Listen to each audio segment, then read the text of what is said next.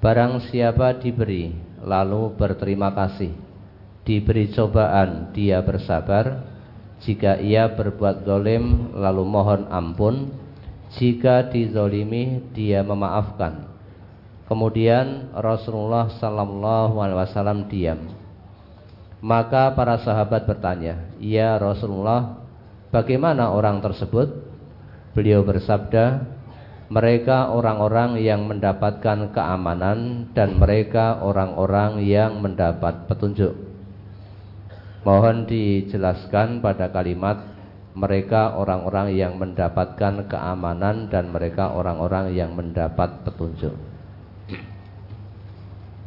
Nah, itu sudah sangat jelas. Jadi orang yang kalau diberi dia berterima kasih. Orang yang kalau diuji dia bersabar. Kalau didolimi, kalau mendolimi dia segera mohon ampun pada Allah. Kalau didolimi dia memaafkan. Meski hadis ini doif, namun semuanya sesuai dengan nilai-nilai Al-Quran. Tidak bertentangan dengan Quran, tidak bertentangan dengan hadis-hadis Nabi yang sahih. Diberi bersyukur, berterima kasih. Diuji bersabar, mendolimi begitu sadar kemudian segera mohon ampun pada Allah. Didolimi dia tidak membalas dengan kedoliman namun memaafkan. Lah orang-orang yang seperti ini maka hatinya akan tentram hatinya akan aman. Kenapa? Karena dia berjalan di atas petunjuk Allah. Orang yang mendapatkan petunjuk Allah Orang yang menjalani hidup di atas petunjuk Allah Maka hatinya akan merasa aman.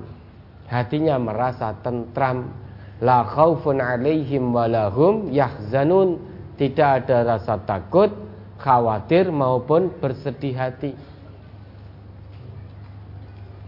Meski hadisnya ini do'if namun sesuai dengan nilai-nilai Islam kita kalau diberi, terima kasihlah. Kalau diuji, bersabar.